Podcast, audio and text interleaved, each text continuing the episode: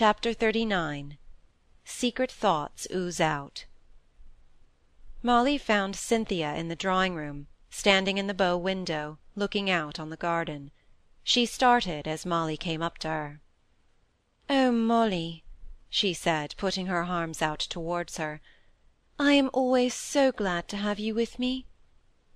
It was outbursts of affection such as these that always called Molly back, if she had been ever so unconsciously wavering in her allegiance to Cynthia.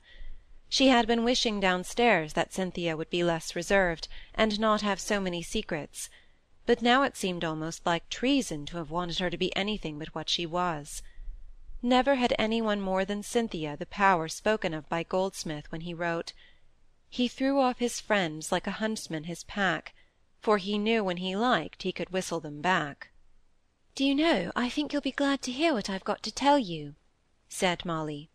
"I think you would really like to go to London, shouldn't you?"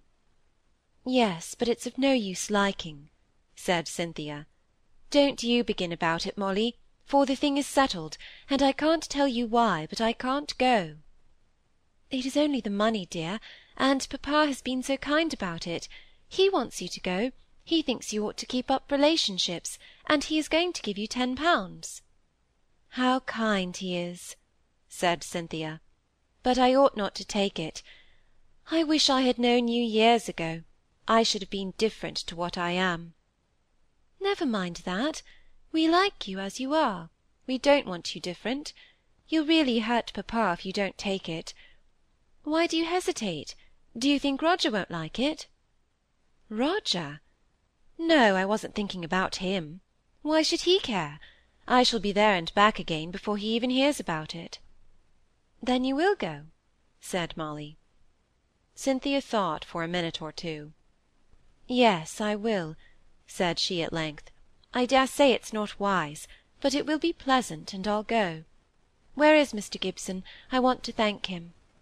Oh, how kind he is! Molly, you're a lucky girl." "I?" Said Molly, quite startled at being told this, for she had been feeling as if so many things were going wrong, almost as if they would never go right again. "There he is," said Cynthia. "I hear him in the hall." And down she flew, and laying her hands on Mr Gibson's arm, she thanked him with such warm impulsiveness and in so pretty and caressing a manner, that something of his old feeling of personal liking for her returned, and he forgot for a time the causes of disapproval he had against her.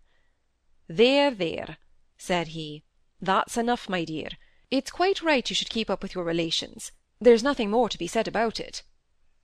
"I do think your father is the most charming man I know," said Cynthia on her return to Molly, "and it's that which always makes me so afraid of losing his good opinion, and fret so when I think he is displeased with me. And now let us think all about this London visit. It will be delightful, won't it? I can make ten pounds go ever so far, and in some ways it will be such a comfort to get out of Hollingford." "Will it?" said Molly, rather wistfully. "Oh yes. You know I don't mean that it will be a comfort to leave you; that will be anything but a comfort.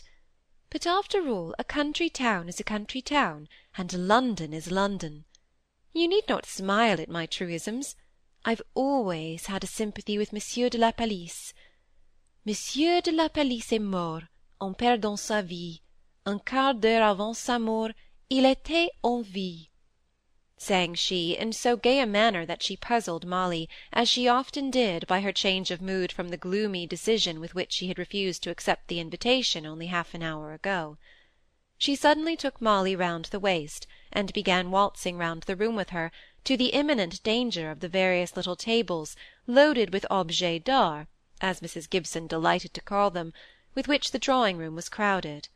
She avoided them, however, with her usual skill, but they both stood still at last, surprised at Mrs Gibson's surprise, as she stood at the door, looking at the whirl going on before her. "Upon my word, I only hope you are not going crazy, both of you. What's all this about, pray?" "Only because I'm so glad I'm going to London, mamma," said Cynthia demurely. "I'm not sure if it's quite the thing for an engaged young lady to be so much beside herself at the prospect of gaiety. In my time, our great pleasure in our lovers' absence was in thinking about them. I should have thought that would have given you pain, because you would have had to remember that they were away, which ought to have made you unhappy. Now, to tell the truth, just at the moment I had forgotten all about Roger. I hope it wasn't very wrong. Osborne looks as if he did all my share as well as his own of the fretting after Roger. How ill he looked yesterday! Yes, said Molly. I didn't know if any one besides me had noticed it. I was quite shocked. Ah, said Mrs. Gibson, I'm afraid that young man won't live long, very much afraid. And she shook her head ominously. Oh, what will happen if he dies? exclaimed Molly, suddenly sitting down and thinking of that strange mysterious wife who never made her appearance, whose very existence was never spoken about, and Roger away too. Well, it would be very sad, of course, and we should all feel it very much, I've no doubt, for I've always been very fond of Osborne. In fact, before Roger became, as it were, my own flesh and blood, I liked Osborne better. But we must not forget the living, dear Molly for Molly's eyes were filling with tears at the dismal thoughts presented to her. Our dear good Roger would, I am sure, do all in his power to fill Osborne's place in every way, and his marriage need not be so long delayed. Don't speak of that in the same breath as Osborne's life, mamma, said Cynthia hastily. Why, my dear, it is a very natural thought. For poor Roger's sake, you know, one wishes it not to be so very, very long an engagement, and I was only answering Molly's question after all. One can't help following out one's thoughts. People must die, you know, young as well as old. If I ever suspected Roger of following out his thoughts in a similar way, said Cynthia, I'd never speak to him again. As if he would, said Molly, warm in her turn. You know he never would, and you shouldn't suppose it of him, Cynthia, no, not for even a moment. I can't see the great harm of it all for my part, said Mrs. Gibson plaintively. A young man strikes us all as looking very ill, and I'm sure I'm sorry for it, but illness very often leads to death. Surely you agree with me there, and what's the harm of saying so? Then Molly asks what will happen if he dies, and I try to answer her question. I don't like talking or thinking of death any more than any one else, but I should think myself wanting in strength of mind if I could not look forward to the consequences of death. I really think we're commanded to do so, somewhere in the Bible, or the prayer book. Do you look forward to the consequences of my death, mamma? asked Cynthia. You really are the most unfeeling girl I have ever met with, said Mrs. Gibson, really hurt. I wish I could give you a little of my own sensitiveness, for I have too much for my happiness. Don't let us speak of Osborne again. Ten to one it was only some temporary over-fatigue, or some anxiety about Roger, or perhaps a little fit of indigestion. I was very foolish to attribute it to anything more serious, and dear papa might be displeased if he knew I had done so. Medical men don't like other people to be making conjectures about health. They consider it as trenching on their own particular province, and very proper, I'm sure. Now, let us consider about your dress, Cynthia. I could not understand how you had spent your money, and made so little show with it. Mamma, it may sound very cross, but I must tell Molly and you and everybody once and for all, that as I don't want and didn't ask for any more than my allowance, I'm not going to answer any questions about what I do with it.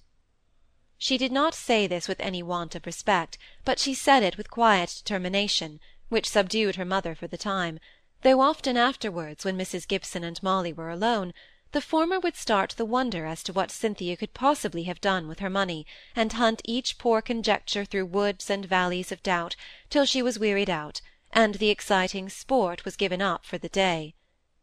At present, however, she confined herself to the practical matter in hand, and the genius for millinery and dress, inherent in both mother and daughter, soon settled a great many knotty points of contrivance and taste, and then they were all three set to work to gar old Clay's look amidst a wheels the new. Cynthia's relations with the squire had been very stationary ever since the visit she paid to the Hall the previous autumn. He had received them all at that time with hospitable politeness, and he had been more charmed with Cynthia than he liked to acknowledge to himself when he thought the visit all over afterwards. "She's a pretty lass, sure enough," thought he, "and has pretty ways about her, too, and likes to learn from older people which is a good sign, but somehow I don't like madam her mother. But still she is her mother, and the girl's her daughter. Yet she spoke to her once or twice as I shouldn't have liked our little Fanny to have spoken, if it had pleased God for her to have lived. No, it's not the right way, and it may be a bit old-fashioned, but I like the right way. And then again she took possession o' me, as I may say, and little Molly had to run after us in the garden walks that are too narrow for three, just like a little four-legged doggy; and the other was so full of listening to me, she never turned round for her to speak a word to Molly. I don't mean to say they're not fond of each other, and that's in Roger's sweetheart's favour, and it's very ungrateful in me to go and find fault with a lass who was so civil to me, and had such a pretty way with her of hanging on every word that fell from my lips. Well, a deal may come and go in two years and the lad says nothing to me about it. I'll be as deep as him, and take no more notice of the affair till he comes home and tells me himself. So, although the squire was always delighted to receive the little notes which Cynthia sent him every time she heard from Roger, and although this attention on her part was melting the heart he tried to harden, he controlled himself into writing her the briefest acknowledgments. His words were strong in meaning, but formal in expression. She herself did not think much about them, being satisfied to do the kind actions that called them forth. But her mother criticised them and pondered them. She thought she had hit on the truth when she decided in her own mind that it was a very old-fashioned style, and that he and his house and his furniture all wanted some of the brightening up and polishing which they were sure to receive when she never quite liked to finish the sentence definitely, although she kept repeating to herself that there was no harm in it. To return to the squire. Occupied as he now was, he recovered his former health, and something of his former cheerfulness. If Osborne had met him half-way, it is probable that the old bond between father and son might have been renewed; but Osborne either was really an invalid, or had sunk into invalid habits, and made no effort to rally. If his father urged him to go out, nay, once or twice he gulped down his pride, and asked Osborne to accompany him. Osborne would go to the window and find out some flaw or speck in the wind and weather, and make that an excuse for stopping indoors over his books. He would saunter out on the sunny side of the house in a manner that the squire considered as both indolent and unmanly. Yet if there was a prospect of his leaving home, which he did pretty often about this time, he was seized with a hectic energy. The clouds in the sky, the easterly wind, the dampness of the air, were nothing to him then and the squire did not know the real cause of this anxiety to be gone, he took it into his head that it arose from Osborne's dislike to Hamley and to the monotony of his father's society. It was a mistake, thought the squire. I see it now. I never was great at making friends myself. I always thought those Oxford and Cambridge men turned up their noses at me for a country booby, and I'd get the start and have none of them but when the boys went to Rugby and Cambridge I should have let them have their own friends about 'em, even though they might have looked down on me. It was the worst they could have done to me; and now what few friends I had had fallen off from me, by death or somehow, and it is but dreary work for a young man, I grant it. But he might try not to show it so plain to me as he does. I'm getting case-hardened, but it does cut me to the quick sometimes. It does. And he so fond of his dad as he once was. If I can but get the land drained, I'll make him an allowance, and let him go to London or where he likes.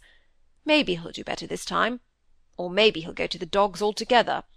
But perhaps it will make him think a bit kindly of the old father at home. I should like him to do that, I should.